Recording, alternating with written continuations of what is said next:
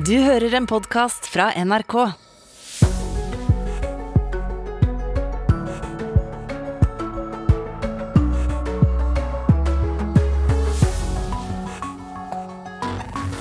Ja, god eh, torsdag. Dette er NRK Nyhetsmorgen 7. april, og noe av det vi snakker om i dag. Russiske styresmakter sier de vestlige straffetiltakene er retta direkte mot vanlige russere, ikke mot eliten i Russland. Flere sanksjoner mot Russland skal eh, diskuteres i dag når eh, Natos utenriksministermøte fortsetter. Jens Stoltenberg tar imot Ukrainas utenriksminister i Brussel om en snau time. Og nå krever flere land at de ansvarlige for drapene på sivile i Ukraina må stilles for retten for krigslovbrudd. Men hvordan gjør en egentlig det? Vi skal forsøke å gi det svaret her om litt. Og SV vil ha med seg regjeringen på å fjerne eksamen i skolen. Vi vil bytte ut dagens eksamensform med en mer læringsfremmende og rettferdig sluttvurdering. Så er det stor skredfare i fjellet mange steder akkurat nå. I går så gikk det flere skred i Ørsta kommune i Møre og Romsdal. En mann ble alvorlig skadd der. og Hit kommer en skredekspert som skal si litt mer om hva vi må passe på i fjellet i påska. Og så er det Katrine Nybø og Ida Kjøstelsen som er på plass her i Nyhetsmorgen i dag, fram til klokka er ni. Vi starter denne sendinga med å snakke om de siste vestlige straffetiltakene som er retta mot Russland. I går ble det klart at bl.a. to av Russlands største banker blir utsatt for vestlige sanksjoner. Også familiemedlemmer til president Vladimir Putin og andre ledere havner på denne sanksjonslista. Russiske styresmakter sier derimot at straffetiltakene er retta direkte mot vanlige russere, og ikke mot eliten. Korrespondent Jan Espen Kruse i Moskva, hva mer sier russiske styresmakter om de nye straffetiltakene? Ja, Det er eh, den russiske ambassadøren i USA som eh, har blitt intervjuet av eh, russiske medier. og Der kommer det da fram hans uttalelser om at de, de, siste straffetiltakene, først og fremst de amerikanske, de hevder den russiske ambassadøren er et direkte slag mot den russiske befolkningen. Og altså at det er vanlige folk som blir rammet av dette her. Tidligere så har jo straffetiltakene i stor grad eh, dreid seg om å, å, ramme den russiske eliten. Men nå sier eh, altså eh, ambassadøren at disse bankene som er, blir rammet nå, det er bl.a. banken Sber, som vel kan oversettes med Sparebanken. Han sier at det er der vanlige russere har sine sparepenger. Derfor blir russerne nå, nå rammet. Og at man fra Vestens side fortsetter disse ustoppelige angrepene med sanksjoner mot Russland. Hvordan ser det ut til at de vestlige sanksjonene virker nå i praksis? Ja, Der kommer det veldig motstridende meldinger. Noen russiske politikere og eksperter sier at uh, straffetiltakene ikke virker i noe særlig grad. Og så viser de til uh, rubelkursen, som har holdt seg ganske uh, godt. den er på samme nivå som før Russland satte i gang krigen i Ukraina. og de viser også til at aksjekursene på børsen i Moskva holder seg bra på veldig masse russiske eh, selskaper. Men de, disse uttalene som nå kommer, eh, viser nok at, eh, at russerne er klar over at økonomien kommer til å bli rammet hardt av disse vestlige sanksjonene i tiden som kommer framover. Det tar litt tid før de, de virkelig virker. Hva slags betydning er det at familiemedlemmer til president Putin og andre ledere kommer på denne sanksjonslista? Det var vel to av døtrene som kom, havna på den lista i går? Ja, dette er nok eh, mye symbolsk. Det viser at man nå går eh, direkte på, også på Putins eh, døtre, og også familiemedlemmer til andre ledende russiske politikere, bl.a. familien til utenriksminister Lavrov. Argumentet fra vestlig side er at man tror at de russiske lederne har plassert mye av verdiene sine hos familiemedlemmer og at det derfor er viktig å, å ramme disse.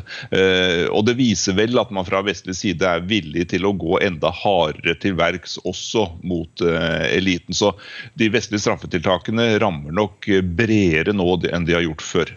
Og USA krever at Russland skal utestenges fra det økonomiske samarbeidet i G20, altså de 20 fremste industrilandene i verden. Kommer det til å skje?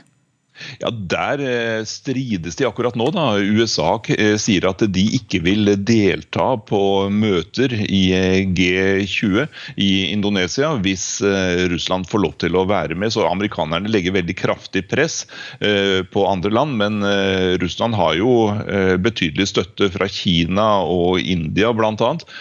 Så det er, uklart hvordan dette kommer til å gå. Men presset fra vestlig side er nå veldig sterkt mot Russland.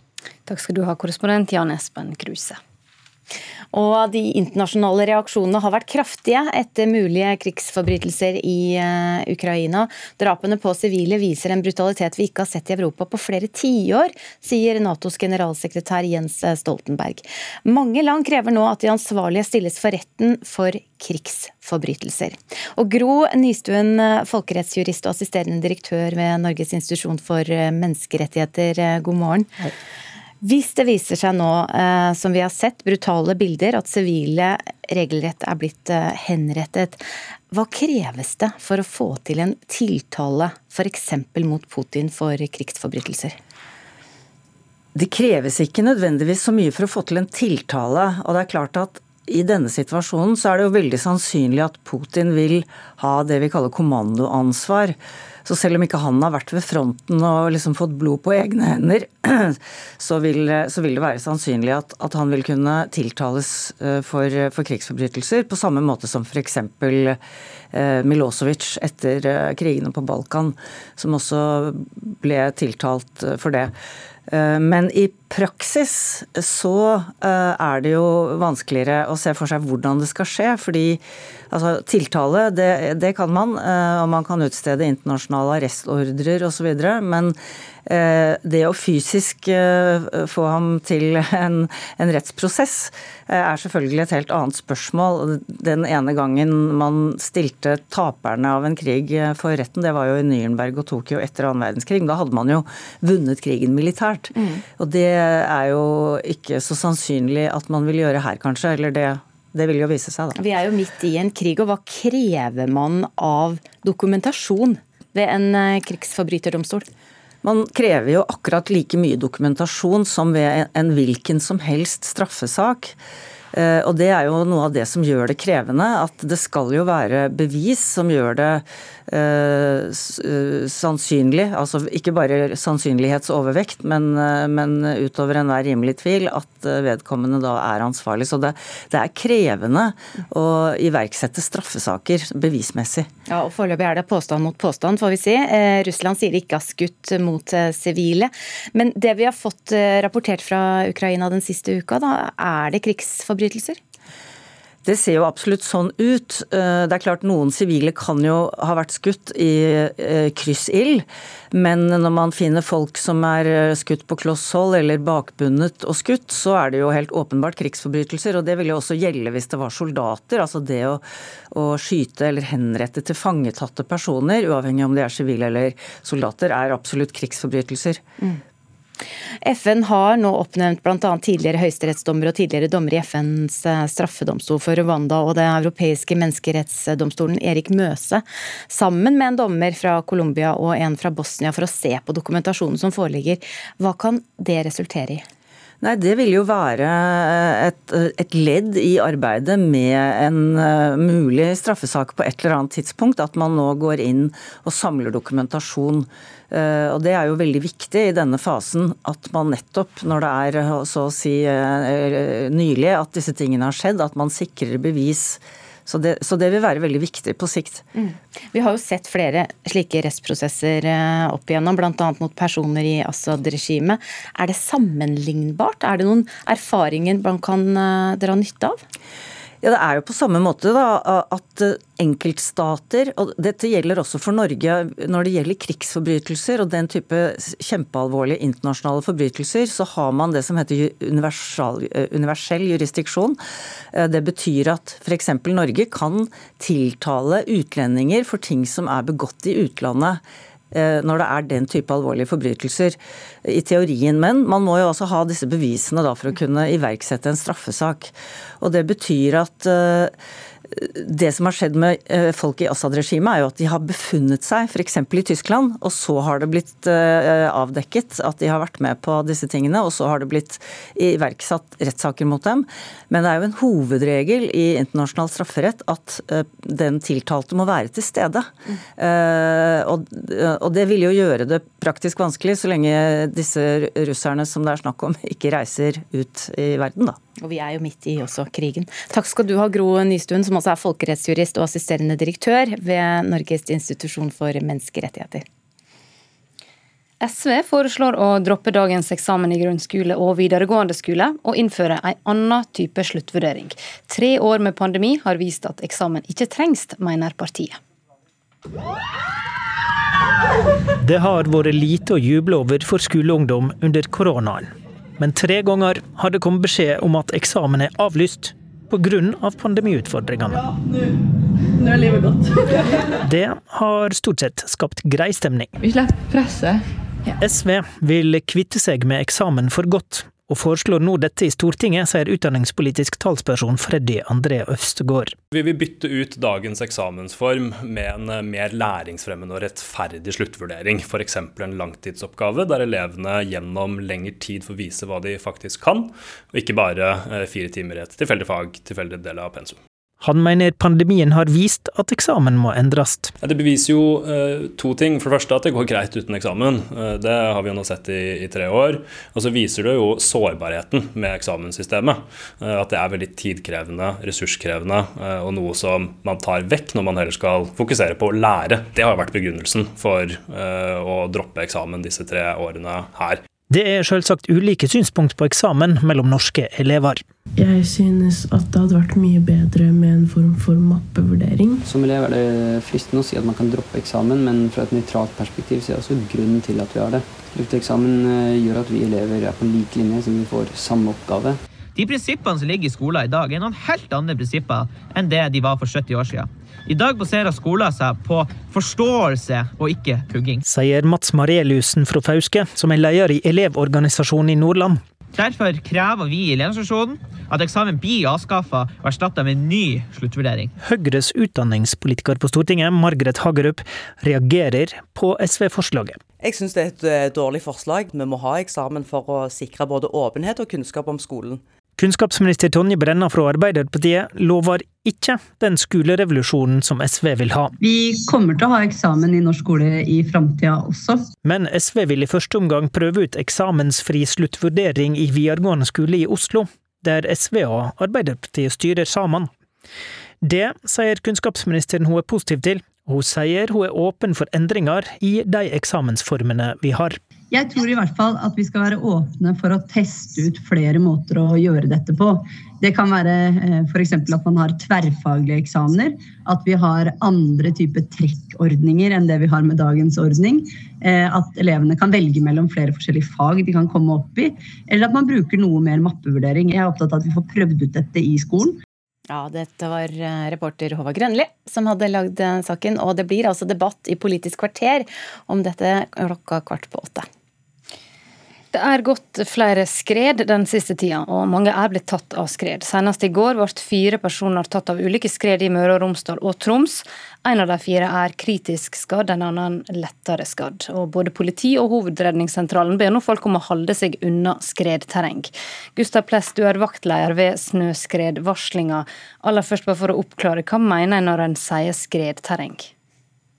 Ja, skredterreng er egentlig alt terreng over 30 grader og utløpsområder under det. Ja, og Hvordan er forholdene i fjellet gjennom påska nå? Er det noen av de store skidestinasjonene der det er spesielt stor fare? Ja, eh, i Troms og Finnmark, eh, og Nordvestlandet særlig, så har vi vedvarende svake lag. Og Det gjør at det er lett å løse ut skred der, og skred kan bli store. Så da må man passe på ekstra mye. Ja, Hvordan skal en passe på? Hvordan skal en gå fram når en eh, vil ha sin tur i fjellet? Ja, eh, Hvis man skal forholde seg til det her, så i de områdene så anbefaler vi stort sett at folk unngår skredterreng. Så du unngår bratt terreng og utløpsområder under det. Eh, og så får man heller vente på, til senere på året, når man kan gå de bratte turene på vårsnø. Som er lettere å forholde seg til. Hva er det som gjør nå at skredfaren er spesielt stor? Ja, det er at vi har hatt en type vær, eh, gjerne kaldt, klart vær i en liten periode, som har dannet sånne her vedvarende svake lag. Eh, og da de her flakskredene som du ser på bildet her, eh, det blir veldig lett å løse ut dem på de områdene, og det blir litt sånn overraskende for folk. Normalt så dannes jo skred i, i typisk skredvær, tenker man, med mye snø, vind, stor temperaturstigning, men de her skredene kan gå på en helt flott vårdag med klarvær og sol. Og så plutselig så går du inn i de her områdene og løser ut de her skredene. Hva råd gir dere ellers til folk som skal til fjells i påska? Ja, eh, Vi gir jo råd. Du må følge med fortløpende på varsom på skredvarselet. Eh, så, så, vi varsler to dager fram i tid. og så, så gå inn og sjekk hver kveld hver morgen, for det kan bli oppdatert hva forholdene er nå. Og Der gir vi jo ferdselsråd. Eh, I tillegg så kan du bruke denne Varsom Reggobs-appen for å se hva som er skredterreng. Så Du laster ned en app, så ser du hvor du er. og Så kan du se hva som er bratt terreng og hva som er utløpsområder under. Så kan du unngå de områdene. Så De som skal eh, på fjellet i påska, bør altså laste ned appen eller gå inn på varsom.no for å sjekke. Takk skal du ha, Gustav Pless, vaktleder ved snøskredvarslinga.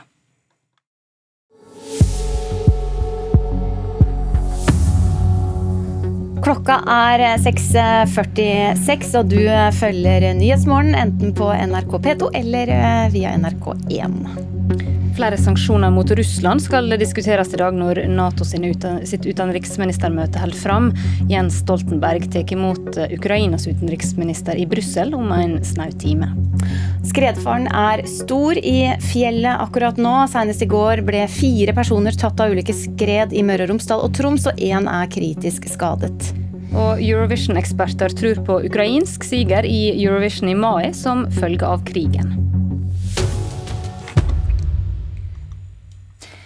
Ada Hegerberg gjør sitt comeback på kvinnelandslaget i fotball som spiss i spann med Caroline Graham Hansen i dagens VM-kvalifiseringskamp mot Kosovo. Det kunne landslagssjef Martin Sjøgren langt på vei stadfeste på gårsdagens pressekonferanse.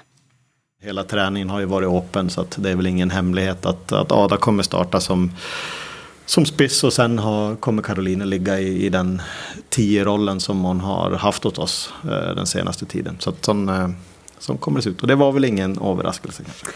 Tuva, som eh, forsvarsspiller, hva, hva, tenker man når man på en måte får en sånn stjerneduo med de voldsomme ferdighetene mot seg som motstander, da? Som motstander så er det jo utrolig vanskelig å spille mot. Uh, det er jo kjekt å utfordre seg på trening, helt klart, men det er jo mye kjekkere å spille på lag med de. Det, det, skal, det er ikke noen hemmelighet, det. Det sa Tuva Hansen, som også snakket på gårsdagens pressekonferanse. I det forrige oppgjøret mot Kosovo i VM-kvalifiseringen vant Norge 3-0. Da følte Sjøgren at de kunne skåret enda flere mål, og nå har som kjent Ada Hegerberg kommet tilbake, noe som gir økte forventninger til angrepsspillet. Ja, nei, men det er jo helt sant. Det er klart at det, det kommer bli et tilskudd for oss med å få inn Ada i, i den spissrollen. Um, det betyr at vi får en spiller som er ekstremt god i boks, hvilket vi trenger. Uh, har vi en god kamp, så kommer vi nå å skape sjanser for Ada, tror jeg. Spissen spiller sin første landskamp på over 1700 dager. Tuva Hansen gleder seg over Hegerbergs comeback. Det har vært veldig positivt. Jeg har jo vært med henne tidligere, var jo med til EM 2017. Eh, og ser jo at hun har vokst veldig som person. og det er utrolig kjekt å ha henne tilbake. Skape mye positiv energi, komme inn med mye kunnskap. Så det er rett og slett bare utrolig kjekt å ha henne her. Det sa Tuve Hansen, som etter all sannsynlighet starta som høyreback mot Kosovo i ettermiddag. Reportere var Jonas August Bernstein. Og kampen den kan du følge fra klokka 17.30 på NRK1. Og så skal det dreie seg om Eurovision, fordi Ukrainas bidrag til nettopp Eurovision Song Contest, Kalush Orkestra, har nå fått tillatelse til å forlate landet i forbindelse med deltakelsen deres i konkurransen. Og de blir altså dermed å se på scenen i Torino i Italia i mai.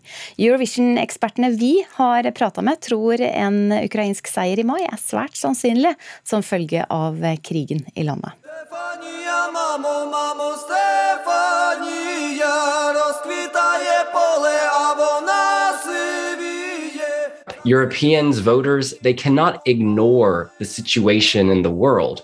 And then on the night of the show, when you see a group from that country doing their best in the situation, you're going to be touched. And I think many people will be motivated to vote. Publikum vil bli rørt når Ukrainas Eurovision-representanter i Kalush Orkestra entrer scenen, mener William Adams, som er redaktør i Vivi Blogs, en av de største Eurovision-fansidene i verden. Den mye omdiskuterte musikkonkurransen skal egentlig ikke være politisk, men realiteten er at den er politisk, ifølge Adams. I think organizers love to say Eurovision is apolitical. This is not about politics. This is a contest between states. And I don't see how people can view that as anything but political in some way. It's kind of political. Årets utgave av sangkonkurransen er intet unntak. Krigen i Ukraina vil ha en stor påvirkning både på show og på resultat.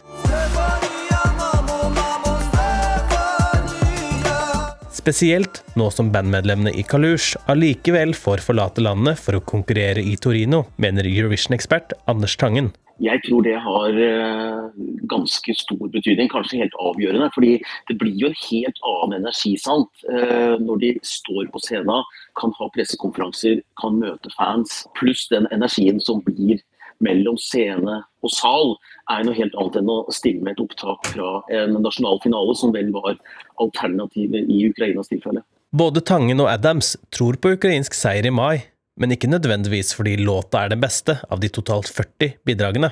I think that win is based partly on music. The song is original and catchy, but more so it's about the political environment we're living in and how that's bleeding into Europeans' daily experience. Dette er langt utenfor politikk. Dette handler om liv, det handler om død, det handler om uh, menneskerettigheter. Og det er noe Eurovision har stått for. Det er musikkonkurranse, så burde ikke beste låt vinne? Jo da, men jeg tenker at uh, den låta fra Ukraina i år, den kunne i et godt år vunnet også, selv om det ikke var krig i Ukraina. Men det hadde ikke vært så sannsynlig. Sannsynligheten øker selvfølgelig veldig når folk legger mer mening inn i låta. Men en eventuell seier i mai kan forsvares, sier Adams. For til syvende og sist handler Eurovision om følelser, mener han. Viewers watch Eurovision because maybe they want a radio-friendly song, but at the same time, if it's radio friendly or eye catching, it's because you feel something. Ultimately, Eurovision is about feelings, and Ukraine is giving us feelings. Ja, om det blir eh, Kalush Orchestra, eh, De gule ulvene fra Norge, eller et eh, annet bidrag som går seirende ut av Eurovision 2022, det får vi svare på 14. mai. Reporter her var Jonathan Gåthaug Nilsen. Kunst verdt eh, flere hundre millioner kroner som var på vei til Russland, er blitt stansa og beslaglagt av finske tollmyndigheter. De mistenker at sendinga er i strid med EU-sanksjonene. Og Tolldirektøren kaller dette her for uvurderlige kunstverk. Hva er det snakk om, kulturreporter Adan Tasama? Det er snakk om kunstverk med en forsikringsverdi på drøye 400 millioner kroner, men som du sa, så har dette uvurderlig verdi. Det er vanskelig å si hvor mye det egentlig er verdt. Det sier jo da tolldirektør i Finland, Hannu Sinkonen. Eh, han uttalte dette på en pressekonferanse i går, melder nyhetsbyrået AFP. Anledninga til pressekonferansen var at det var beslaglagt eh, tre sendinger, eh, maleri og skulpturer, som var på gjennomfart gjennom landet etter å være på utlån i museer i Italia og Japan. Det var så vidt innom det, men Hva var det som skjedde når disse kunstverkene ble stansa? Ja, Som eh, noen allerede kanskje har tenkt seg, så var det jo på vei til Russland. da. Eh, Bl.a. dette berømte Eremitasjemuseet i St. Petersburg, som er et av verdens største og mest eh, kjente kunst- og kulturhistoriemuseer. Grunnen til at de ikke får komme hjem der, da, til dette ærverdige bygget, er at det er et veldig kjølig forhold, som folk vet, mellom Vesten og Russland i disse tider etter invasjonen av Ukraina. Og I den anledning så har EU innført en rekke sanksjoner eh, mot Russland, som bl.a. forbyr salg, leveranser, overføring og eksport av luksusartikler. og Dette inkluderer jo kunst. I Finland så har dette allerede hatt noen konsekvenser tidligere. Hele 21 russiske luksusyachter har blitt eh, nekta å forlate finsk farvann. og Dette gjøres da for å sjekke hvem som eier disse er noen av eierne på EUs sanksjonslister. Det er det jo mange av de her folka som tar seg råd til sånne yachter som er. Russiske oligarker tenker vi på da. Hva er konsekvensene av eh, dette kunstbeslaget? Ja, Det er jo ti personer da, som nå er mistenkt av finske myndigheter på, av, av å ha brøt de her sanksjonsreglene. Og Videre så skal det finske utenriksdepartementet hatt eh, samtaler med den russiske ambassadøren i landet om dette. Eh, inntil denne situasjonen da blir avklart, så befinner de her kunstverkene seg på finsk jord under det finske museverkets oppsyn. Takk skal du ha, kulturreporter Adan Tassama. Og så skal det handle om eh, film her i Nyhetsmorgen. 'Fabeldyr og humlesnurrs hemmeligheter' har nemlig kinopremiere i morgen. Her blir vi igjen ført inn i JK Rollings magiske univers flere tiår før Harry Potter ble født. NRKs filmkritiker Birger Vestmo sier at filmen mangler den helt store nerven, men at den likevel pirrer eventyrlysten. I'm sorry to disturb you, Albus, but I've just received troubling news. Tell me, what is it? It's Grindelwald. Den tredje fabeldyrfilmen fra JK Rollings Wizarding World har de samme styrkene og svakhetene som den forrige. Den erfarne Harry Potter- og fabeldyrregissøren David Yates bygger nok en gang en storslått fantasiverden som pirrer eventyrlysten med magisk spenning. Dessverre er òg denne historien overbefolka, slik at ingen av historietrådene oppnår sitt fulle potensial. Fabeldyr Humlesnurrs hemmeligheter er likevel en brukbar film, der styrkene trumfer svakhetene. Den mangler kanskje kanskje den helt store nerven, og noen av figurene får ikke helt den forløsninga de fortjener. Men det visuelle er så vanvittig lekkert gjort at man får den store kinofølelsen. The time is closed, my brothers and sisters. Our war with the Muggles begins today! Mats Mikkelsen er en fortreffelig erstatning for Johnny Depp i rollen som den onde Gellert Grindelwald. Han ønsker fremdeles at magikere skal herske over gompene, altså menneskeheten, og vil nå forsøke å påvirke et forestående valg av ny leder for verdens magikere. Albus Humlesnurr, spilt av Jude Law, kan ikke gå imot han pga. en blodpakt de en gang inngikk, og samle en gruppe andre magikere til kamp. Blant dem er Salamander Fisle, spilt av Eddie Redmayne, broren Tesevs, spilt av Callum Turner, professor Lolly Hicks, spilt av Jessica Turner, mystiske Yusuf Kama, spilt av William Nadilam, og gompen Jacob Kowalski, spilt av Dan Fogler. Samtidig er Konstans, spilt av Ezra Miller, en uforutsigbar faktor etter den sjokkerende avsløringa om hans sanne identitet. The world as we know it is coming undone. If we're to defeat him, have to trust me. Mr. Kowalski, we need you. I said I want an out and I want out. Fabeldyr Humlesnurrs hemmeligheter nyt godt av å tilhøre et allerede elska eventyrunivers, som det fremdeles er deilig å oppholde seg i. Historiefortellinga lykkes ikke helt på all fronta, og klimakset er nesten skuffende svakt, men filmen får et kryss i margen for tidsriktig tematikk om maktsyke krigshissere og manipulering av valg. Man kan ikke ignorere appellen og tiltrekningskrafta som ligger i det fargerike persongalleriet og den fantasifulle og detaljrike verdensbygginga. Samtidig er det lov å ønske at filmen var basert på et sterkere manus, som ikke er fullt så avhengig av å finne opp helt nye figurer og sammenhenger for å gi fungerende løsninger på tidligere etablerte mysterier. Fabeldyr Humlesnurrs hemmeligheter er likevel et engasjerende eventyr, bare man ikke forventer seg en ny klassiker. If by tea time all of us are still alive, you should consider our efforts a success. Terningkast fire. Og det var Birger Vestmo som hadde sett eh, Fabeldyr humlesnurrs eh, hemmeligheter. Og du kan lese også flere anmeldelser på nrk.no anmeldelser. Etter nyhetene skal vi til Lviv i Ukraina, der vår utenriksmedarbeider skal oppsummere nattas krigshandlinger. I tillegg spør vi fredsforsker hva som skal til for at Russland stanser åtakene, at det blir fred i Ukraina. Og hva slags fred blir det egentlig? Og etter to påsker med restriksjoner skal veldig mange på påsketur i år. Nesten 1,5 millioner av oss skal på ferie. Det viser tall fra forsikringsbransjen. Noen skal til Syden, andre skal til fjellet.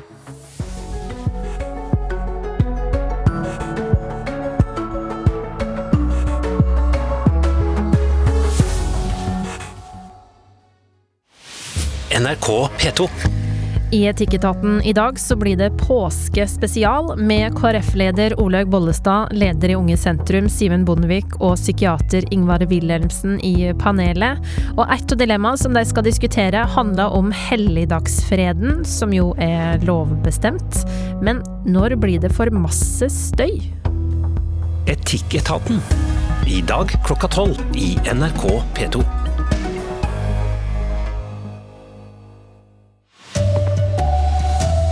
Her er NRK Dagsnytt klokka sju. Elleve sivile er funnet døde i en garasje i Kiev-forstaden Hostomel, melder ei ukrainsk avis. Opplysningene er ikke stadfestet av uavhengige kjelder. I går hevda lokale styresmakter at 400 innbyggere er savna i Hostomel, etter at russiske styrker eh, trekte seg ut. Og russiske styresmakter sier at de nye økonomiske straffetiltakene er retta direkte mot vanlige russere, og ikke mot eliten. I går ble det klart at uh, mellom annet ytterligere to av de største russiske bankene blir utsatt for vestlige sanksjoner.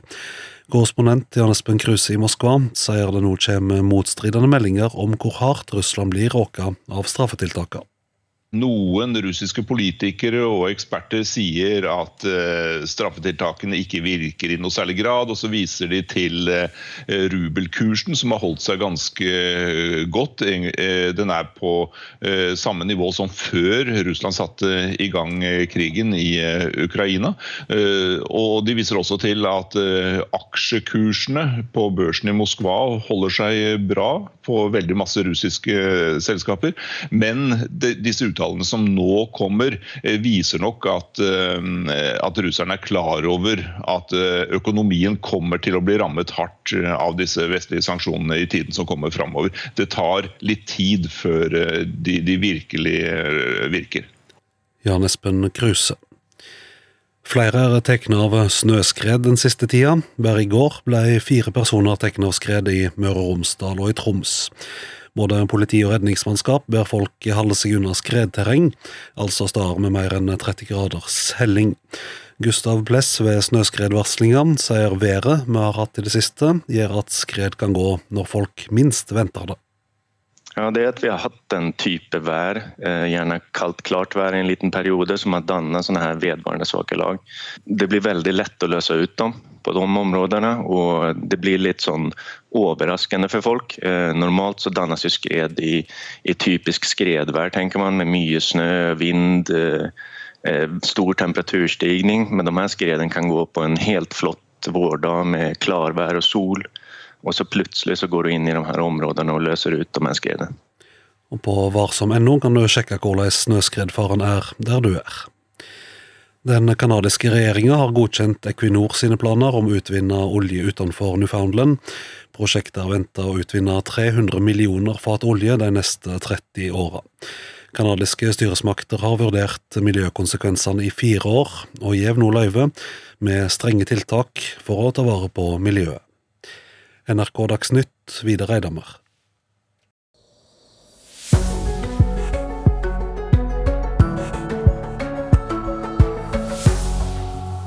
Ja, dette er Nyhetsmorgen. Klokka er tre minutter over sju, og noen av overskriftene våre i dag. Flere sanksjoner mot Russland skal diskuteres i dag, når Natos utenriksministermøte holder fram. Jens Stoltenberg tar imot eh, den ukrainske utenriksministeren i Brussel straks. Og hva skal til for at Russland stanser angrepene, at det blir fred i Ukraina, og da varig fred? Vi spør en fredsforsker her straks. Og nesten 1,5 millioner av oss skal på påskeferie, viser tall fra forsikringsbransjen. Sydenflyene er smekkfulle, men også mange vel en heimepåske. Det blir eh, jobb meste av uka. Jeg har planer om å jobbe. Hva skal du gjøre i påsken i år? Jeg skal være hjemme. Og det er eh, Katrine Nybø og Ida Kjøstelsen som sitter her eh, i studio fram til klokka er ni. Vi starter i Ukraina. Der skal det ha vært et artilleriangrep mot et nødhjelpssenter i Donbas øst i landet. I forstaden eh, Ostomel nord for hovedstaden Kyiv leter myndighetene etter savnede som trolig er bortført av russiske soldater. Og hva er det siste fra forstaden Ostomel der de leter etter savnede ukrainere, Joakim Reigstad? Ja, De siste meldingene går ut på at det er funnet elleve personer døde i, i Gostomel. Og man frykter jo at dette her bare er starten på nok et grufullt funn av døde mennesker, etter at man nå ser de russiske styrkene trekke seg tilbake fra disse forstedene rundt Kyiv. Vi har jo sett det tidligere, bl.a. i Butsja, hvor, hvor, det var grufulle scener. Og det er jo det man frykter nå, at dette her også har skjedd mange andre steder som har vært under russisk okkupasjon de siste ukene. Så skal altså fire være drept av russisk eh, artilleri ved et nødhjelpssenter i Donetsk og i boligområdet Luansk i går. Kan dette indikere at en russisk offensiv er i gang i dette området? Det er vanskelig å si akkurat eh, om den russiske offensiven er i gang. Hvis man ser litt på hva etterretningstjenester i de forskjellige landene, f.eks. For Storbritannia og USA, sier, så er det ikke helt der ennå. Man venter nok på at de troppene som har trukket seg ut av det nordlige Ukraina, skal foreta en, eh, skal vi si, en troppeforflytning, og de som er i stand til det, skal eh, settes inn der. Det er det man frykter. Slik at den store offensiven er muligens ikke i gang. Det vil nok ta noen dager, kanskje uker sies det. Men eh, allerede så er det jo slik at man nå ber folk om å evakuere fra disse områdene, fordi man frykter at det er her det kommer til å være krigshandlinger de neste ukene. Og så hører vi mest om overgrep mot uh, ukrainere, men New York Times omhandler også i dag en video som skal vise at ukrainske soldater dreper russiske soldater. Hva, hva vet du om det? Ja, det er en grufull video som er eh, lagt ut. Det viser helt åpenbart døde mennesker som ligger i gatene. New York Times hevder jo at de har verifisert den, dvs. Si at det er eh, det man påstår, at det er eh, ukrainske soldater som tar livet av krigsfanger som de har tatt til fange. Dette står jo i skarp kontrast til hva ukrainske myndigheter har sagt hele tiden, nemlig at, nei, unnskyld, at russiske soldater som blir fanget, de skal tas vare på og få mulighet til å reise hjem til sine foreldre. Mange av disse er jo veldig unge. Eh, det er selvfølgelig mye usikkerhet knyttet til denne videoen, men det viser jo at krigens brutalitet gjelder på begge sider. Mm. Og bildene, grusomhetene som ble avslørt i Butsja eh, i starten av uka, eller helga som var, var altså bare begynnelsen kanskje på avdekking av mange av det mange statsledere nå kaller et eh, folkemord? Ja, det er det, og, mange tar jo nå disse ordene i sin munn nettopp fordi at dette er veldig alvorlig. og Vi vet jo at det er mange byer som har vært under russisk belæring, både i nord, eh, men også selvfølgelig også i Sør-Ukraina og i Øst-Ukraina, hvor mange byer har, har, vært under russisk belæring. Frykten er jo selvfølgelig at dette er noe som vokser i omfang. Det er meldinger fra flere steder om at uh, mennesker er savnet. De er ikke gjort rede for, man vet ikke hvor de er. og Det snakkes om flere, flere hundre, kanskje opp mot 1000 mennesker som er savnet så langt. og dette tallet kan i realiteten bare eh, vokse og vokse. Det er veldig nytt at russerne har trukket seg tilbake. Man har ikke klart fra ukrainsk side ennå å få oversikt over situasjonen i de byene som nå blir frigjort. Mm. Og Joakim, du er i Lviv, en by vest i Ukraina som mange av oss ble godt kjent med i starten av eh, krigen. og Gi oss et bilde på hvordan stemningen er eh, akkurat der nå. Her i Lviv kan man vel si at livet går nesten som normalt. Det er eh, portforbud her fra klokken ti til klokken seks om morgenen. Eh, men det har f.eks. i natt ikke vært noen flyalarmer, det har vært stille her. Eh, men i går var det et angrep, et luftangrep mot en, en, et boligområde ikke så veldig langt herifra, ca. Syv, syv mil. Men livet er delvis på vei tilbake her, og det er jo også det eh, president eh, Zelenskyj har sagt. At i de områdene som nå anses som relativt trygge, så ønsker man jo at folk skal prøve å leve som normalt. Det er jo også mange internt fordrevne flyktninger som har kommet hit, bl.a. til Lviv fra andre steder i Ukraina, for å nettopp søke en pause fra krigshandlingene og få litt, eh, litt fred og ro, rett og slett. Og så langt virker det som om Lviv er blant de byene hvor det er relativt rolig nå. Takk skal du ha, utenriksmedarbeider Joakim Reigstad, altså på plass i Lviv i Ukraina. Det er i dag 43 dager, eller seks uker siden Russland angrep Ukraina og krigen starta. Millioner er på flukt, og folk mangler det mest nødsynte i byer som er kringsett. Og Det er grusomme skildringer som nå kommer etter hvert som vi får ut vitnesbyrd. Kristian Berg Harpeviken, forsker ved fredsforskningsinstituttet PRIO. Med dette bakteppet, når vil det være et utgangspunkt for fred i Ukraina? Det er nok neppe sånn at vi kan se for oss noe fredsløsning på konflikten i Ukraina nå. Men så er det jo viktig i en situasjon som dette å klare å holde to tanker, eh, kanskje enda flere, i hodet på en gang. For sjøl om krigen er grusom, så må man begynne å legge grunnlaget for en løsning på krigen. Og hva som er løsningen, det henger jo nært sammen med hva som er dynamikken på slagmarken. Og det er jo ganske tydelig nå at Russlands strategi har skifta fra å være en strategi for å innsette et, eh, en stedfortrederregjering og på den måten indirekte ta kontroll over hele Ukraina, til å rette fokuset mot områdene i sør og i øst, som er av stor strategisk interesse, og som har stort innslag av russere i befolkningen. Ja, hva tror du for kontakt som foregår bak kulissene? I nesten alle kriger så foregår det jo en masse kontakt bak kulissene som vi ikke ser. Og veldig mye av den kontakten handler jo ikke om eh, nødvendigvis den store fredsløsningen. Det kan handle om å evakuere sivile, om å få inn humanitære forsyninger, om å forebygge militære misforståelser. Men samtidig så er jo den kontakten også med på å bygge tillit, på å skape gjensidig forståelse for hverandres eh, posisjoner og målsettinger, og til å etablere de nettverkene som til syvende og sist kan bli avgjørende for at man vil være i stand til å snakke sammen om også det store spørsmålet, nemlig hvordan man skal avslutte krigen. Ja, Tror du at Ukraina må være forberedt på å ofre noe for å oppnå fred? Dette er jo en konflikt der det er veldig vanskelig å se for seg en løsning som ikke forutsetter at begge sider inngår kompromisser. Eh, den eneste veien til det vil jo faktisk være at Putin og hans eh, regime faller, og at man får inn et nytt regime i Russland som gir opp eh, alle Russlands ambisjoner knytta til Ukraina. Det kan skje, det skal vi ikke utelukke, men vi kan ikke satse alt på at det skal skje. I så fall så er det en kompromissløsning. Krimhalvøya er på mange måter det eh, er jo vanskelig å se for seg at Ukraina skal få igjen fullt herredømme over Krimhalvøya. Der er det nok også en befolkning hvor majoriteten ønsker å være under russisk herredømme. Og så er situasjonen i Øst-Ukraina mye mer uavklart, men eh, en løsning der, kanskje en intern ukrainsk løsning, der man avgir gir disse republikkene en grad av eh, selvstendighet internt i Ukraina, og på den måten skyver spørsmålet foran seg, det er kanskje det, det mest realistiske. Når det offisielle Russland har en så motsatt eh, virkelighetsforståelse, hva, er det som skal til for at Kreml vil slutte angrepene og gå med på fred, i tillegg til det du har sagt?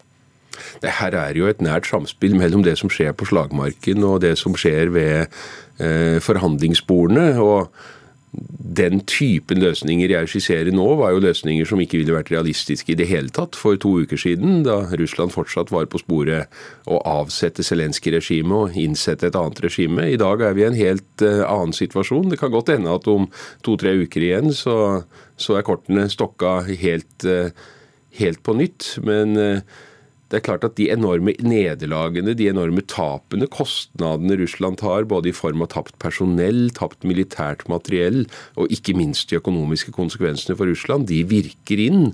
Og selv diktatorer er jo opptatt av sin egen, sin egen, oppslutning. Så jeg tror jo på mange måter at det modnes. Men så er jo usikkerheten hvorvidt Putin vil være villig, har tatt så stor risiko at han vil være villig til å på en måte satse alt og slåss til siste trevel, eller om han vil være innstilt på en fredsløsning.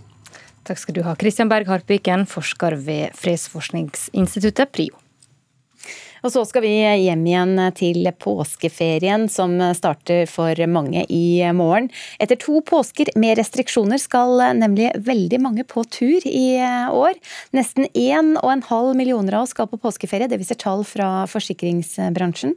Siden flyene er smekkfulle, men de fleste som skal reise, lar seg også lokke til den norske fjellheimen.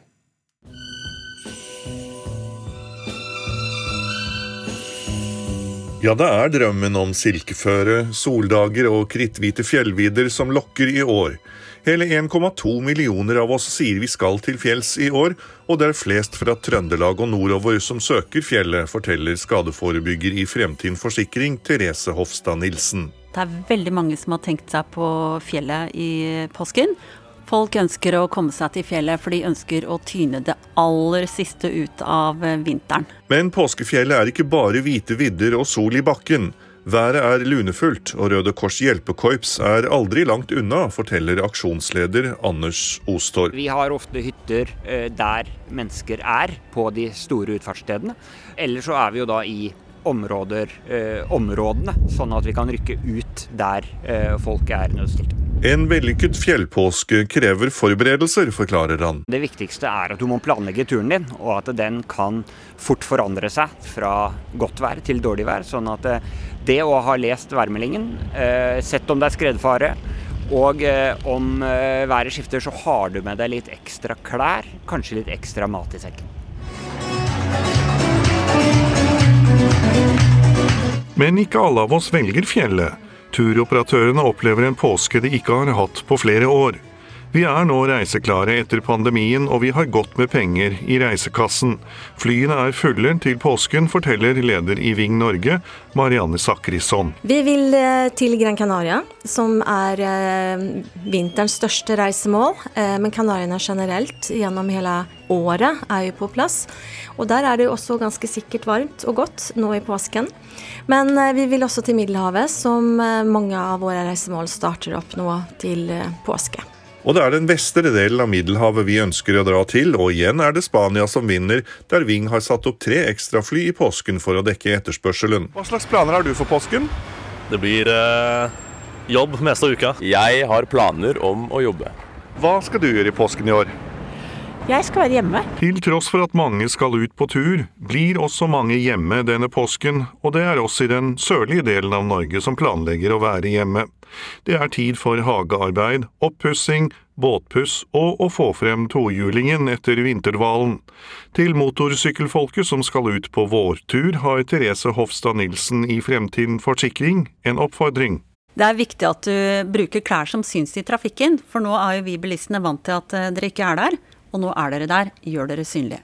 Uansett hvordan påsken blir for deg i år, er det visse ting som er felles for oss alle. Det aller viktigste er at alle tar ansvar for egen situasjon, og det å forebygge skader er noe av det mest bærekraftige vi gjør. Reporter her var Tor Albert Frøsland. Og velkommen til Nyhetsmorgen, Stine Ramstad Vestby, direktør ved Oslo lufthavn. Takk. Mange nordmenn skal altså på farten i påsken, som vi hørte her. Noen skal være hjemme også. Mm. Men hvor stor blir trafikken på Oslo lufthavn? Hva beregner dere? Mm. Nei, Det er jo veldig hyggelig å være på Oslo lufthavn om dagen. Eh, I dag så venter vi 75 000 reisende ca. er prognosene. Og i morgen skal vi helt opp i 86 000 reisende. Og det er nye rekorder etter pandemien. Så fredag er eh, rekorddagen? Fredag er rekorden. Og hvor lang tid da kan ventetida bli i innsjekk og, og sikkerhetskontroll for de reisende? Nei, det, det, er det jo vanskelig å si akkurat eksakt. Jeg syns at eh, passasjerene skal lytte godt til flyselskapene sine i forhold til oppmøtetider. Følge de oppmøtetidene de får beskjed om, ikke, ikke, ikke ha for god tid, ikke ha for dårlig tid.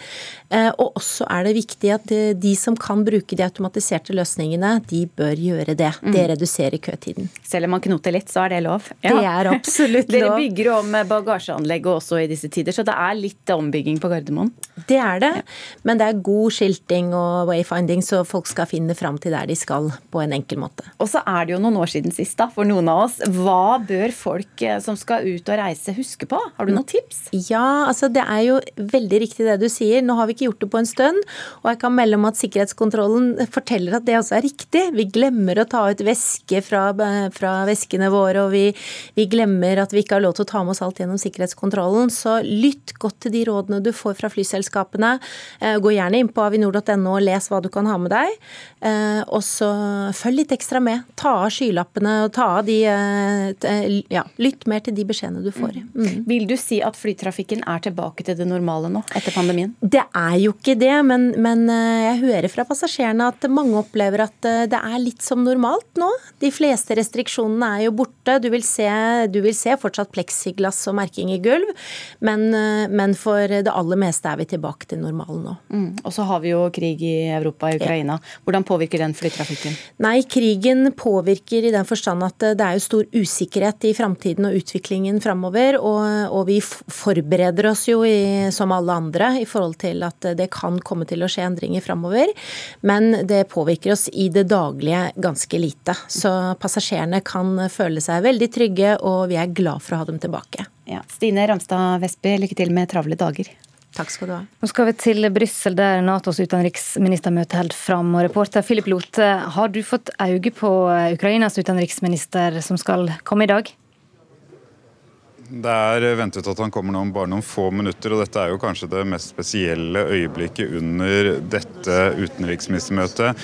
Bare for noen få minutter siden så satte de fram eh, Ukrainas og Natos flagg ved siden av hverandre eh, her, og eh, det er et voldsomt presseoppbud og Det er jo det som har satt dagsorden for hele dette møtet. Hva kan eh, Nato bistå med eh, når Ukraina ber om mer militær hjelp for å slå tilbake eh, det russiske angrepet mot deres land? Hva er det venta at utenriksministeren vil si når han besøker Jens Stoltenberg og Nato? Han vil nok gjenta og forsterke ønsket om å få eh, tyngre militær bistand, tyngre våpensystemer. Eh, etter at russerne trakk seg ut av Kyiv-regionen, så er det jo ventet at et angrep vil komme øst og sør i landet for å få kontroll over, eh, ta kontroll over disse områdene fra ukrainerne. Og det kan bli sterkere angrep enn det man har hatt før, og da vil, hvis det skjer, Ukraina ha behov for tyngre og kraftigere våpensystem enn det de har i dag. Hva andre temaer kommer til å komme opp på møtet i dag? Ja, De vil jo da diskutere eh, den strategien, hva Russland eh, betyr, altså hva angrepet mot Ukraina betyr. Og nå ser vi at eh, ja, det er foreløpig ingen som kommer her, men det er eh, Vi står altså og venter på at utenriksministeren kommer, så det er litt sånn eh, Der kommer Stoltenberg ut for å ta imot utenriksministeren. Han eh, passerer flaggene, går mot døren der. Så om noen få minutter så er altså utenriksministeren her. og De hadde da et møte i går kveld hvor de diskuterte uh, Natos nye strategiske konsept, som de er nødt til å bearbeide uh, og skrive på nytt i stor grad etter at Russland gikk til angrep mot Ukraina. Dette skulle jo på mange måter være Stoltenbergs avskjedsdokument som generalsekretær, hans avslutning, men så har jo han forlenget med et år, og situasjonen er blitt en helt annen. Møtet starta i går. Hva ble sagt etter første del? Ja, det som er blitt sagt, er jo det at uh, de hadde da en arbeidsmiddag i går. Uh, og det som uh, Det er jo disse samme temaene som kommer frem. Altså hva kan, hva kan, Nato gjøre i en krig hvor de ikke kan eller vil gå inn? USA har gjort det klart at de ikke kommer til å sende inn egne styrker og ønsker ikke at andre Nato-land skal gjøre det. De ønsker ikke at krigen skal eh, eskalere. Eh, mens de østeuropeiske medlemslandene av Nato eh, de er villige til å ta en større risiko for å slå tilbake det russiske angrepet eh, i Ukraina. Jeg frykter at hvis de ikke gjør det, så er det større sjanse for at det kan spre seg til eh, andre områder. Så det, her er det en diskusjon i Nato som fortsetter på, på dette møtet. Vi venter altså at, eh, på at Ukrainas utenriksminister skal komme inn. Nato-sjef Jens Stoltenberg har allerede stilt seg opp ved siden av flagget og venter. Philip Lote i Brussel, hvordan er det gått oppmøte rundt deg? Ja, Det er eh, ganske mange som møtte opp her tidlig i dag. så De som ser på radio på TV nå, nær sagt, de, de kan jo se hvor hvor mange som er her. Så det er, som jeg sa innledningsvis, kanskje det litt det mest spesielle øyeblikket under dette møtet. Eh, så kan vi også ta med oss at eh, New York Times eh, har jo nå kommet med en video som viser at ukrainske soldater skal mishandle russiske krigsfanger. Så alle sider av denne krigen, all brutaliteten, vil jo etter hvert kommer frem. Og, og kan jo også regne med at Ukrainas utenriksminister vil få spørsmål om det i løpet av dagen.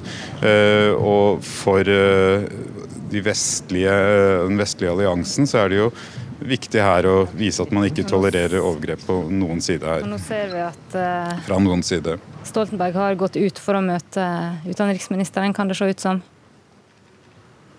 Ja, han, er, eh, han har forlatt uh, altså Han har gått ut og står nå og venter på utsiden. Og Ukrainas utenriksminister Koleba uh, er på vei inn. Nå kommer Stoltenberg og Koleba inn her og skal si noen, noe kort i pressen og skal også ta noen spørsmål. Det er et helt spesielt øyeblikk, dette her.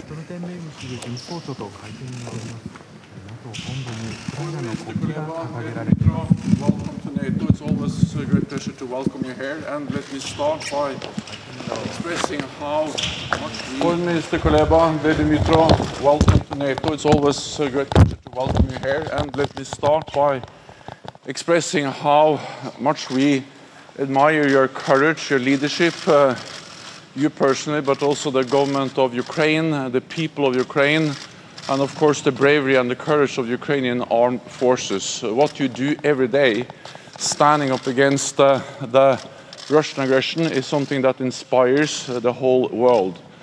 And as you know, NATO allies have provided support uh, for Ukraine for many years, uh, trained uh, tens of thousands of Ukrainian troops, and uh, now allies are providing equipment, support to you to uphold your right for self-defense, a right which is enshrined in the UN Charter.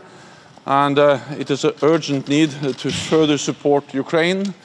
And at our meeting later on with the NATO foreign ministers, I'm certain that we will address the need for uh, more air defense systems, uh, anti-tank weapons, uh, lighter but also heavier weapons, and many different types of support to Ukraine.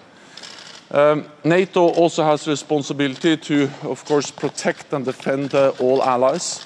So we have, since the invasion of Ukraine, stepped our military presence in the eastern part of the alliance. And uh, we are making sure that there is no room for misunderstanding, miscalculation, in Moscow about our readiness to protect and defend uh, all allies. You being here uh, provides us with uh, a very good opportunity to sit down with you, to uh, listen to your assessment, your analysis, and uh, together discuss the way forward, how we can further support Ukraine. So, there, Dimitro, please welcome. It's good to have you here. Dette var altså Nato-sjef Jens Stoltenberg som tok imot den ukrainske utenriksministeren i Brussel, der utenriksministrene i Nato starta et møte i går. Og det vil bli mer om dette i våre senere sendinger.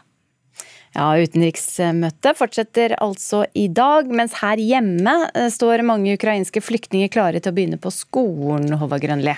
Det kommer åpenbart til å bli krevende. Derfor vil regjeringa endre lova og si nå at skoletilbudet til de ukrainske barna ikke trenger å være fullverdig før det har gått tre måneder.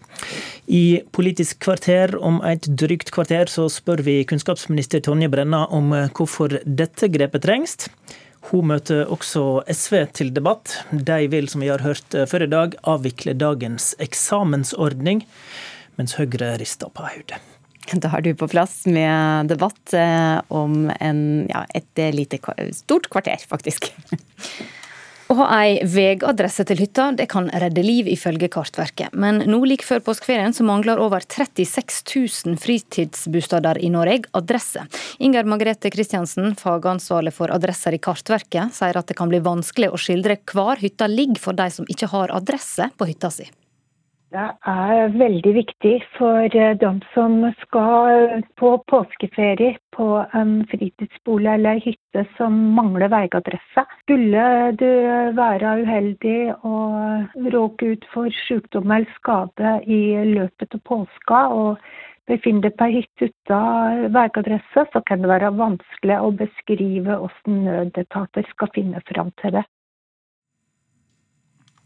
Det sa altså Inger Margrethe Kristiansen, og du kan lese mer om denne saka på nrk.no nordland.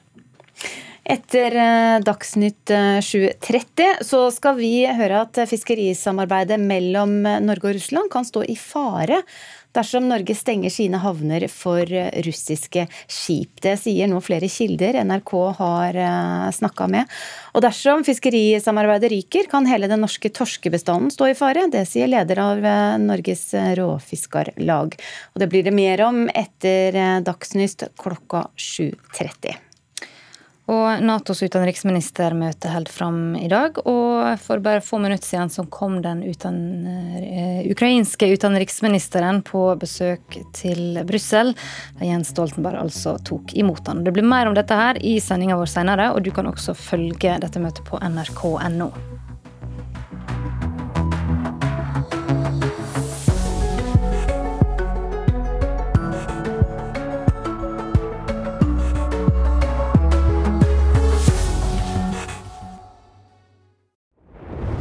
Drivkraft i NRK P2. Hvis jeg ville provosert, så hadde jeg smurt bæsj på veggen. Det har kunstner Maria Passenau sagt. For nakenhet, det syns hun ikke man kan kalle provoserende lenger. Drivkraft med Vegard Larsen. I dag klokka 11 i NRK P2.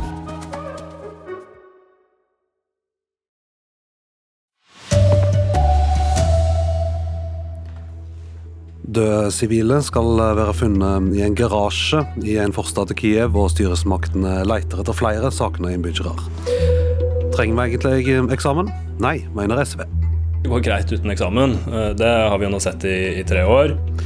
Og det er fremdeles hytta som lokker mest i påskeferien, selv om en nå kan reise nær hvor en vil. Her er NRK Dagsnytt klokka 7.30. I Ukraina skal i natt ha vært artilleriåtak mot et nødhjelpssenter i Donbass i øst. Og i forstaden Hostomel nord for hovedstaden Kiev holder styresmaktene fram letinga etter sivile som kan ha blitt bortført av russiske soldater. Reporter Joakim Reigstad, du er i Lviv vest i landet. Hva er det siste fra denne forstaden Hostomel? Ja, I Ostomel så er det nå rapporter om at det er funnet elleve døde mennesker i en garasje. Disse skal være ganske ille tilrett, sies det. Dette er ikke meldinger som er bekreftet fra uavhengig hold, men man frykter jo at dette bare er starten på at man gjør oppdagelser eh, lignende i Hostomel som man gjorde i Butsja, med at man finner veldig mange døde etter at russerne nå har trukket seg ut. Det er meldt om at ca. 400 mennesker så langt ikke er gjort rede for, og det baserer seg på at de aller fleste innbyggerne i Hostomel har evakuert underveis i beleiringen, de ca. 16 000 som vanligvis eh, bor der, og det er altså 400 man ikke gjør rede for. Så det kan være en avdekning av nye uh, grufulle scener vi kommer til å se derifra. Et eh, nødhjelpssenter i Donbass skal altså ha blitt truffet av artilleri. Kan det tyde på at en russisk offensiv har starta i dette området? Det er jo det man tror at russerne ønsker etter hvert å konsentrere veldig mye av innsatsen sin mot uh, unnskyld, sørøst- og Donbass-området. Men det er litt tidlig å konkludere med at offensiven er i gang. Uh, etterretning bl.a. fra USA og Storbritannia peker jo på at de russiske styrkene antageligvis nå vil regruppere seg etter at de har trukket seg ut av Nord-Ukraina Nord og, og, hovedstadsområdet Kyiv, før de da setter inn en større offensiv. Man sier mellom noen dager dager til noen uker kan det ta før den store offensiven starter der. Takk, reporter Joakim Reigstad i Lviv. Og Utenriksministermøtet i Nato holder fram. og For få minutter siden tok generalsekretær Jens Stoltenberg imot den ukrainske utenriksministeren. Philip Lote i Brussel, hva sier Stoltenberg og Dmytro Kuleba? Akkurat nå så fikk vi et spørsmål til han, og han svarer på hva slags våpen de trenger. Og eh, det han sier er at eh, Koleba sier at det de trenger, det er alt fra fly til øh, eh langtrekkende raketter. Eh, sånn at de kan slå tilbake et ventet uh, russisk angrep øst og sørøst i uh, landet. Han sa her ved ankomsten at Ukraina har vist at de kan kjempe, at de kan vinne. Men hvor mange våpen de nå får, vil avgjøre hvor mye de må ofre for å vinne krigen mot Russland. Hvor store lidelser det ukrainske folk må tåle. Hva skal eh, møtene i Brussel i dag handle om? Eh, det er nå et eget møte mellom Stoltenberg og uh, utenriksminister Kuleba nå med en gang. Og så skal det være et G7-møte, hvor da også Japan deltar. og Eh, Sør-Korea og Australia er også invitert til å være med på dette utenriksministermøtet. Eh, og Det viktigste i dag er for eh, Nato-landene å diskutere hvordan kan de hjelpe Ukraina, hva slags militær hjelp er det mulig å få inn i landet, hva er de villige til å gjøre. Samtidig som de ikke, da selvsagt fremdeles ikke ønsker å eskalere krigen, slik at den flytter seg utover Ukrainas grenser. Takk, eh, Philip Lote, som altså var med oss eh, direkte fra et pressemøte som Jens Stoltenberg og Dmytro Koleba hadde i Brussel. Anna nytt eh, nå. SV foreslår å droppe eksamen i grunnskolen og videregående skole, og innføre en annen type sluttvurdering. Pandemien har synt at eksamen ikke trengs, mener partiet. Det har vært lite å juble over for skoleungdom under koronaen men tre ganger har det kommet beskjed om at eksamen er avlyst pga. pandemiutfordringene. Ja, nå er livet godt.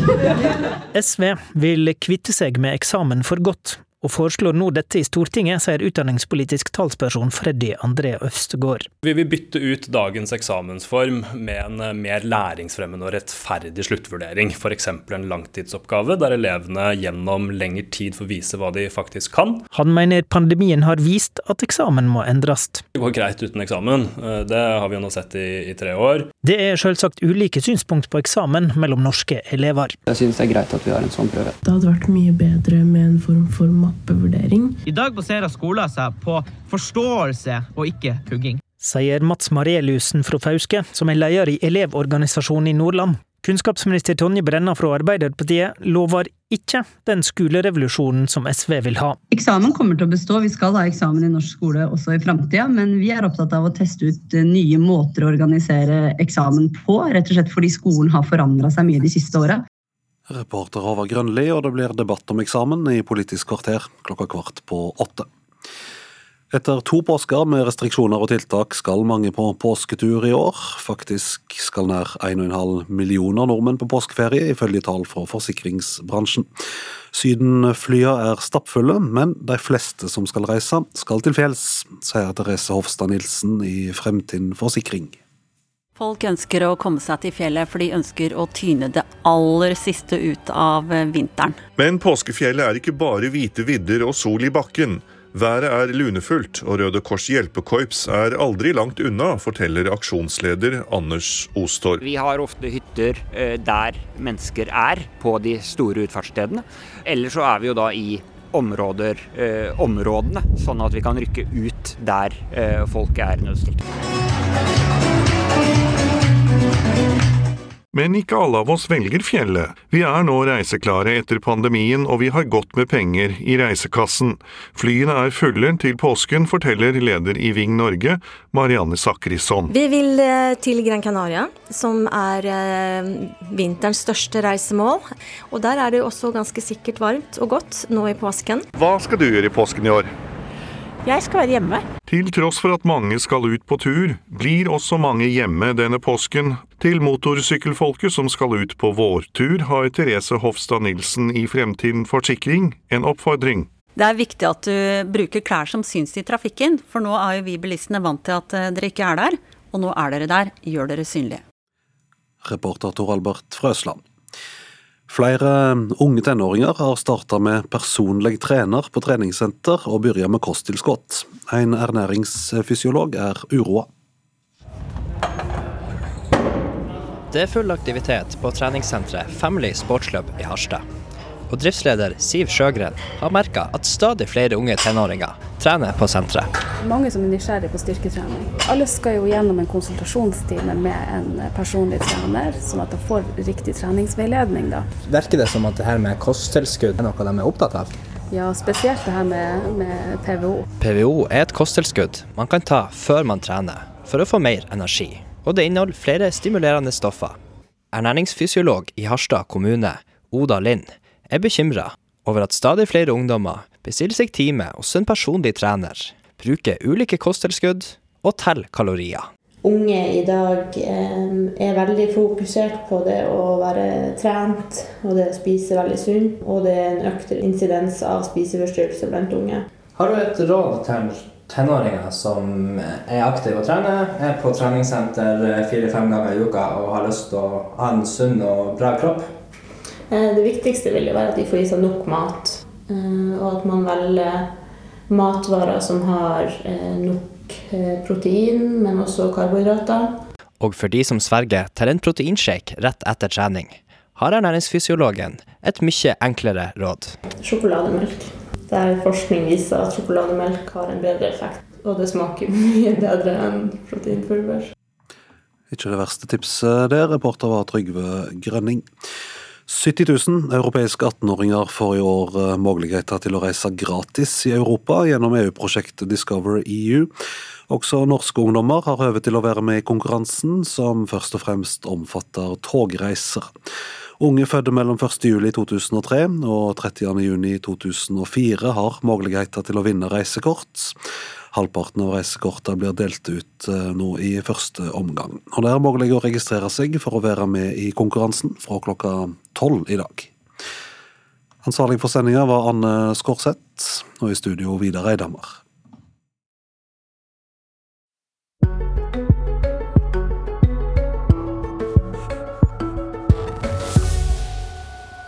Og vi skal høre at eh, fiskerisamarbeidet mellom Norge og Russland kan stå i fare dersom Norge stenger sine havner for russiske skip.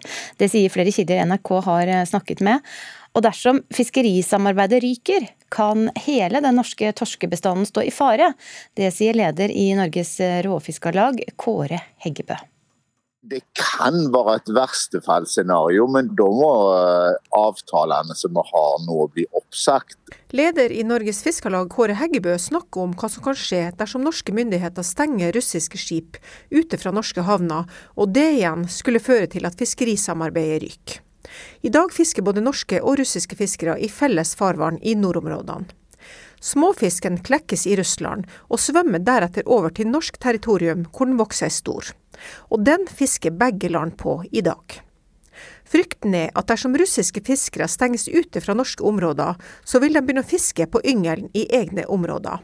Og da er 101 ute, skal vi tro fiskerlagslederen. Ja, da vil vi være skrudd mange tiår tilbake. Det ville være en eh, tragedie for eh, fiskerne, men ikke minst for bestandene.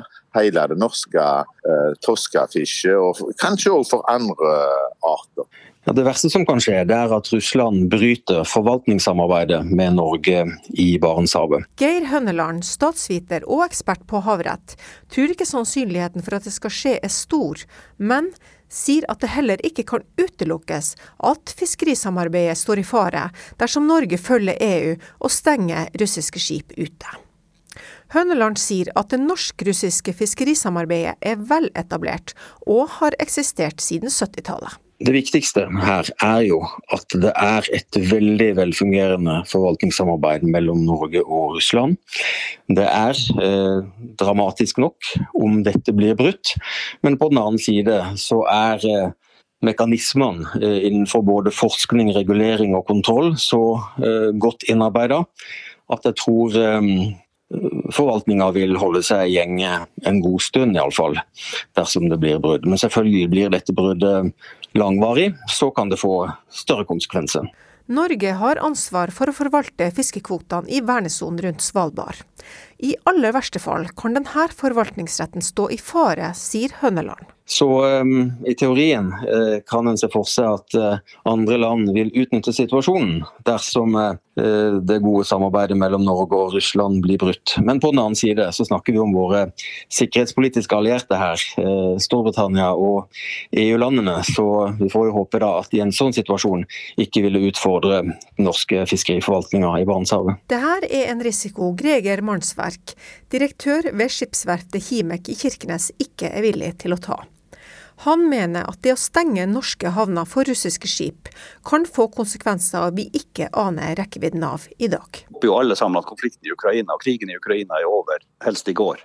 Men vi aner jo ikke hvor lenge den varer. Det er jo det som er utfordringa der. Hvis vi visste det, så var det jo lettere å spå om hva vi kunne gjøre i, i, i fremtida. Men vi aner jo ikke. Og for oss i Kirkenes spesielt, og kanskje deler av Båtsfjord også, som kanskje er hardest ramma i den her, hvis de gjorde regjeringa mot formodning skulle finne på å gå inn for en sånn sanksjon, så kan Jonas Gahr Støre sette seg på flyet til Kirkenes og kan komme hit og slå av lysene. Heggebø i Norges Fiskarlag mener det er rett at norske myndigheter følger EU. Samtidig vedgår han at det er en risiko ved å terge den russiske bjørnen for mye. Det kan jo tenkes at på et tidspunkt så sier russerne at nå har dere kommet med så mye sanksjoner mot oss på andre områder at vi, at vi trekker oss. Så det er jo to sider av dette. så Derfor er det ekstra uh, uforutsigbart. Men det er viktig å holde motet oppe. Uh, det skal komme dager etter dette, så jeg håper og tror at uh, det kommer til å bli bevart. Ja, reportere her var Hanne Larsen, Dan Henrik Klausen og Erik Andreassen. Dette er Nyhetsmorgen, og straks får du Politisk kvarter her, men vi rekker et par overskrifter eh, før det. Døde sivile skal være funnet i en garasje i Kyiv eh, forstad. Styresmaktene leter nå etter flere savnede innbyggere. Og utenriksministermøtet i Nato fortsetter i dag. For få minutter siden tok generalsekretær Jens Stoltenberg imot den ukrainske utenriksministeren Dmytrij Kuleba.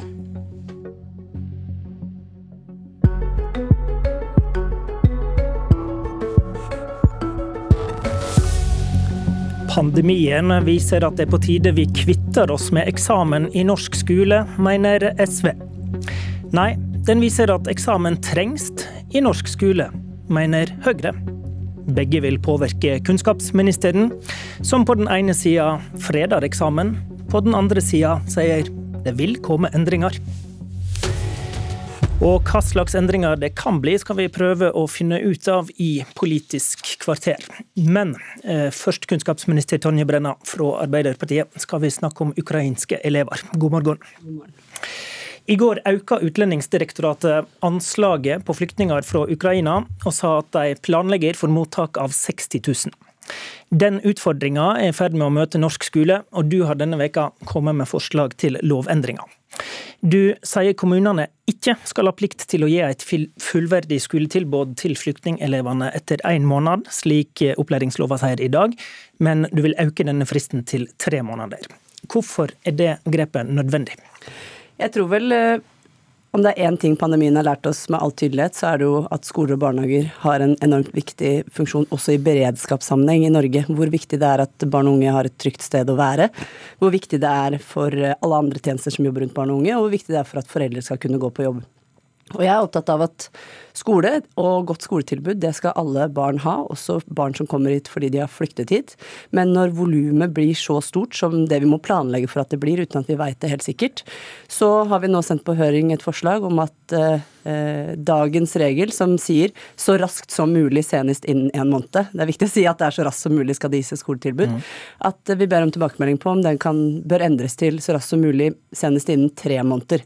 Og denne nyansen med så raskt som mulig og én eller tre måneder, det handler jo ikke om at barna ikke får et tilbud i skolen, men om det i henhold til opplæringslovens bestemmelser skal være fullstendig fullverdig, eller om man kan bruke noe mer tid på f.eks. å få på plass eh, morsmålsopplæring eller den type ting. Ok, Så de kan gi et litt ja. dårligere tilbud, da? Ja, og det, og det, gjør de. Og det bør de, og det skal de. De bør så, gi et litt dårligere tilbud? Nei, men de bør gi et tilbud raskt. Jeg tror det å få trygghet uh, i hverdagen for de ungene som kommer, er helt avgjørende. Om man da uh, får begynne på skolen etter to uker i Norge, men uh, de siste elementene i det siste faget kommer på plass først etter noe mer tid, så tenker jeg at det viktigste er at de får et tilbud, og at kommunene jobber godt med dette. Du har også løyvd 50 millioner, som i denne sammenhengen er ganske mye penger, til å utvikle ukrainske læremidler. Vil du at norske kommuner skal integrere ukrainske barn inn i norsk skole, eller vil du at kommunene lager egne tilbud der ukrainerne går sammen og lærer på ukrainsk? Jeg vil at eh, alle barn skal gå sammen i norsk skole, også ukrainske barn. Det vi har bevilga penger til, er oversettelse av en del læremidler. Og det handler om at eh, fra før så var det ganske få barn i norsk skole som brukte, hadde ukrainsk som morsmål, så vi har få læremidler på ukrainsk. Det andre språk som er litt større, og som har flere elever med de språkene fra før, har vi fra før. Så nå utvider vi med ukrainsk, og også russisk der det er behov for det. Men, men oppfordringa di til kommunene er altså egentlig ikke lag egne eh, mottaksgrupper for ukrainere, først og fremst. da, Få dem inn i norsk skole. Ja, Oppfordringa til kommunene er å gjøre dette på akkurat den måten man vanligvis gjør, nemlig at noen går i innføringsklasser, andre og starter der og deretter går over i ordinær norsk klasse. Andre starter direkte i norsk klasse. Det er vurdering man må gjøre fra barn til barn, men målet er ikke at man skal ha et eget opplegg for ukrainske barn og et annet for resten. Målet er at de skal gå i norsk skole, følge norske læreplaner og bli integrert i norske klasserom. Okay. Men en del av lovforslaget ditt innebærer at kommunene kan samle ukrainske flyktninger i egne grupper. Eh,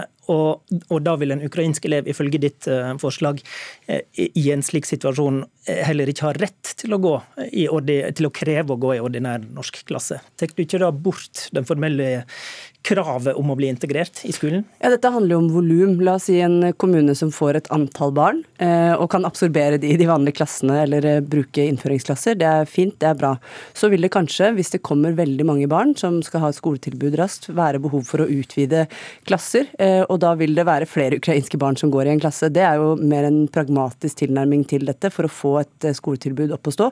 Men målet er selvfølgelig at alle de barna som kommer hit, skal gå i den norske skolen i de vanlige klassene og bli en del av de klassefellesskapene. Den ukrainske ambassadøren har ønskt at det blir tilrettelagt for digital undervisning fra heimlandet. Syns du norske skoler skal tilrettelegge for dette? Norsk skole skal følge norske læreplaner. Og så hvis det finnes et eh, undervisningstilbud i tillegg fra ukrainsk skole, eller som på en eller annen måte bidras med fra annet hold enn norsk skole, så er det jo fint om elever har lyst til å følge det. Men i norsk I, skole så I tillegg da, eller i stedet for? Ja, det er jo helt frivillig, på en måte. Ikke istedenfor. Målet er at nei, altså, alle barn i Norge skal følge norske læreplaner, gå i norsk skole og følge det opplegget vi har. Og så kommer vi til å måtte anstrenge oss for å få et godt tilbud pga. språk, men heldigvis er det sånn at jo yngre du er, jo raskere lærer du språk. Så jeg har eh, tro på at dette kommer til å gå bra.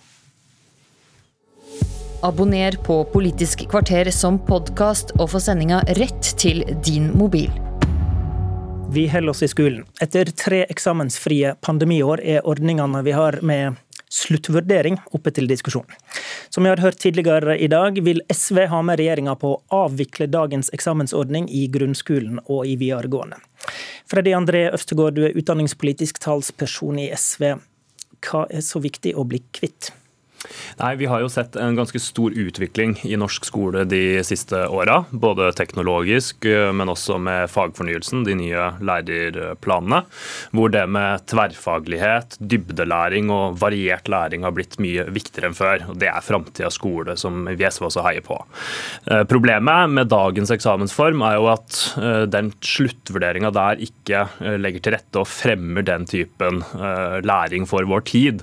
Den fremmer heller en litt gammeldags og utdatert form for læring, med eh, litt ensidig teorifokus og, og pugging. Eh, derfor vil jo vi da eh, se på alternative sluttvurderingsformer til dagens eksamensform. For eksempel. Som f.eks. langtidsoppgaver, mappevurderinger, hvor man kan levere flere oppgaver underveis, og så få en sluttvurdering av det, igjen fra en ekstern sensor, med den kvalitetssikringa som dagens eksamen okay, gir. Så det skal være et utafra-blikk? Et utafra-blikk. Um, vi venner oss til Høyre. Margaret Hagerup, utdanningspolitisk talsperson for Høyre på Stortinget nå. Hva, jeg nevnte pandemien her.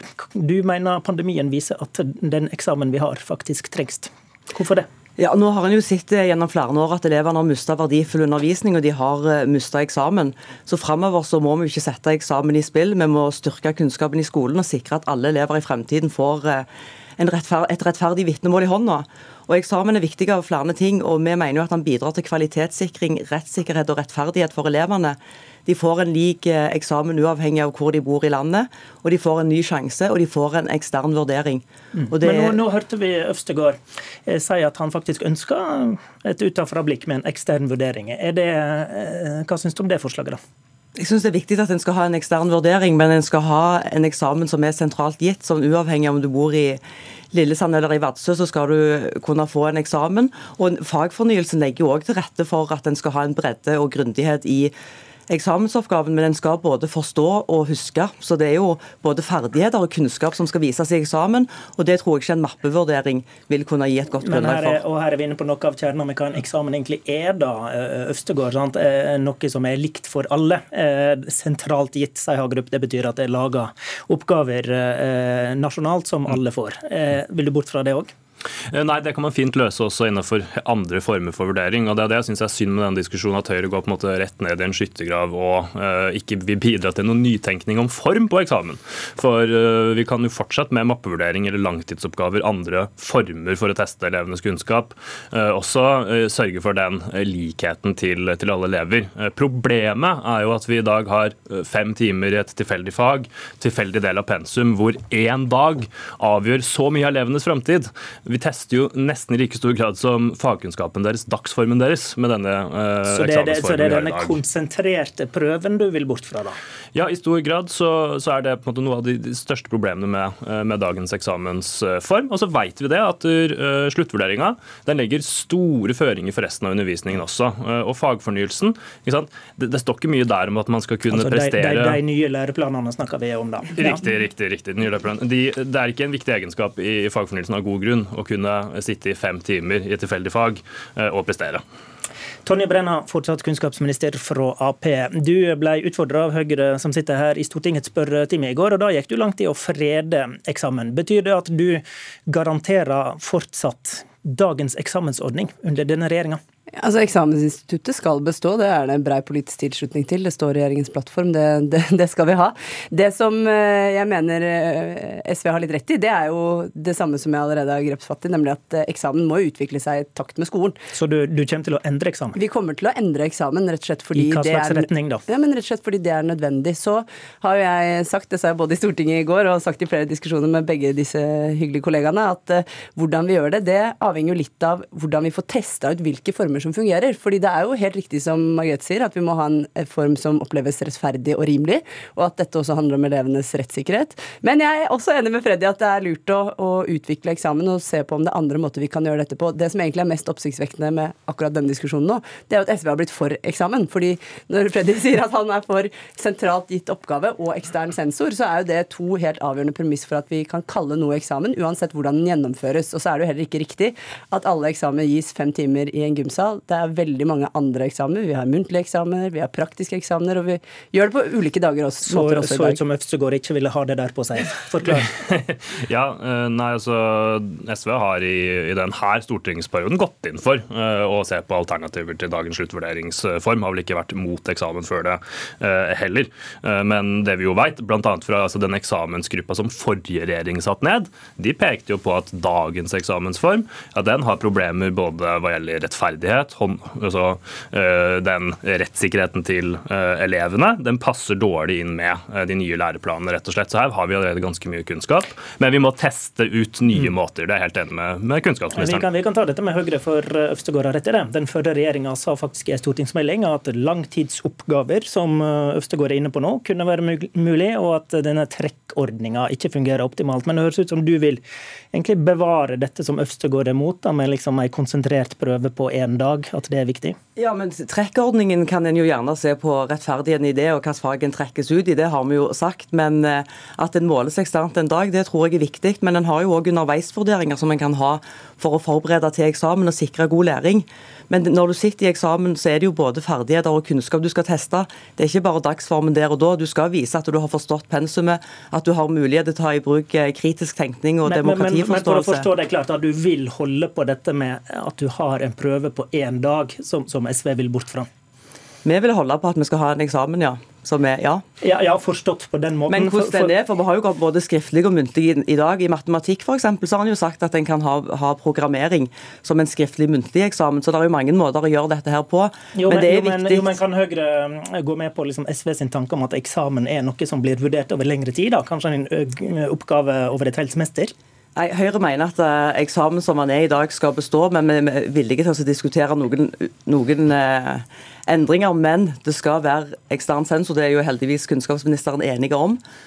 Og det skal være en rettssikkerhet for elevene. og Det må være likt over hele landet. Det er viktig for oss. Enten du bor i Lillesand eller i Vadsø, okay. så må en ha en lik vurdering. Øvstegård, det er arbeid på gang med å se på eksamen i Utdanningsdirektoratet. Hva er det du har så travelt med? Mm. Nei, altså For det første så vil vi ha en litt tydeligere bestilling på at dette faktisk skal komme frem til alternative sluttvurderingsformer. Og Det andre er jo at vi vil la uh, fylker og kommuner få teste ut det her lokalt, uh, hvis elevene og, og, lærerne på en skole uh, ønsker å, å gjøre det. Fordi vi mener at skolen eksamen utvikles best nedenifra. Og nå I denne debatten er vi jo langt ned i detaljene på hvordan eksamen skal se ut. Det mener jeg er best hvis man får testa ut lokalt. Sett eh, ja, her kan vi faktisk mm. utvikle skolen videre for framtida, og så kan vi lære det nasjonalt. Og SV foreslår nå, sammen med byråd, eh, Arbeiderpartiet i byrådet i, i, Oslo, at de vil forsøke dette i Oslo og Brenna. Ja. Da er vel du på vei til å liksom, endre dagens ordning, da? Altså, Opplæringsloven har i dag bestemmelser om at man kan gjøre forsøk i skolen, så det er jo alle fylker og kommuner kan ja, be om det, å teste ut andre eksamensformer. Det de vil prøve, er da at uh, videregående elever ikke har dagens eksamen. Ja, må de søke om å få teste ut det, akkurat som alle andre må, selv om man er Arbeiderparti-byråd i Oslo. Men, og, du, og du sier ja? Men jeg mener at det Og du sier ja? Det er det Utdanningsdirektoratet som behandler den søknaden. Men det Øvstegård ber om, nemlig at man skal kunne teste ut ting, det kan gjøres allerede i dag. Det vi må diskutere nå, det er jo skal vi i tillegg teste ut noen ting nasjonalt? Er det andre former vi har lyst til å sjekke ut, i tillegg til de initiativene som kommer nedenfra? Så jeg er opptatt av at når vi ender opp med å endre eksamensinstituttet på en eller annen måte, som jeg tror vi må fordi skolen har endra seg, så må vi vite hva vi gjør. Vi må sørge for å ha en eksamen som oppleves som rimelig, og som både bidrar til å utvikle skolen og måten Men, elevene lærer på avslutt kort med det. da. Hva slags eksamen ser du for deg at vi har om noen år? da? Det gleder jeg meg veldig til å avsløre når vi får testa ut noen ting. For jeg er opptatt av at når vi endrer norsk skole, skal vi gjøre det kunnskapsbasert, i tråd med det som de som har skoa på mener er viktig, og i tråd med faglig råd og hvordan elevene opplever det. Politisk kvarter bærer alltid på drømmen om et klart svar de siste ti sekundene. Det skjer ikke hver dag, ikke i dag heller. Men takk til alle tre for debatten. Programleder Håvard Grønli.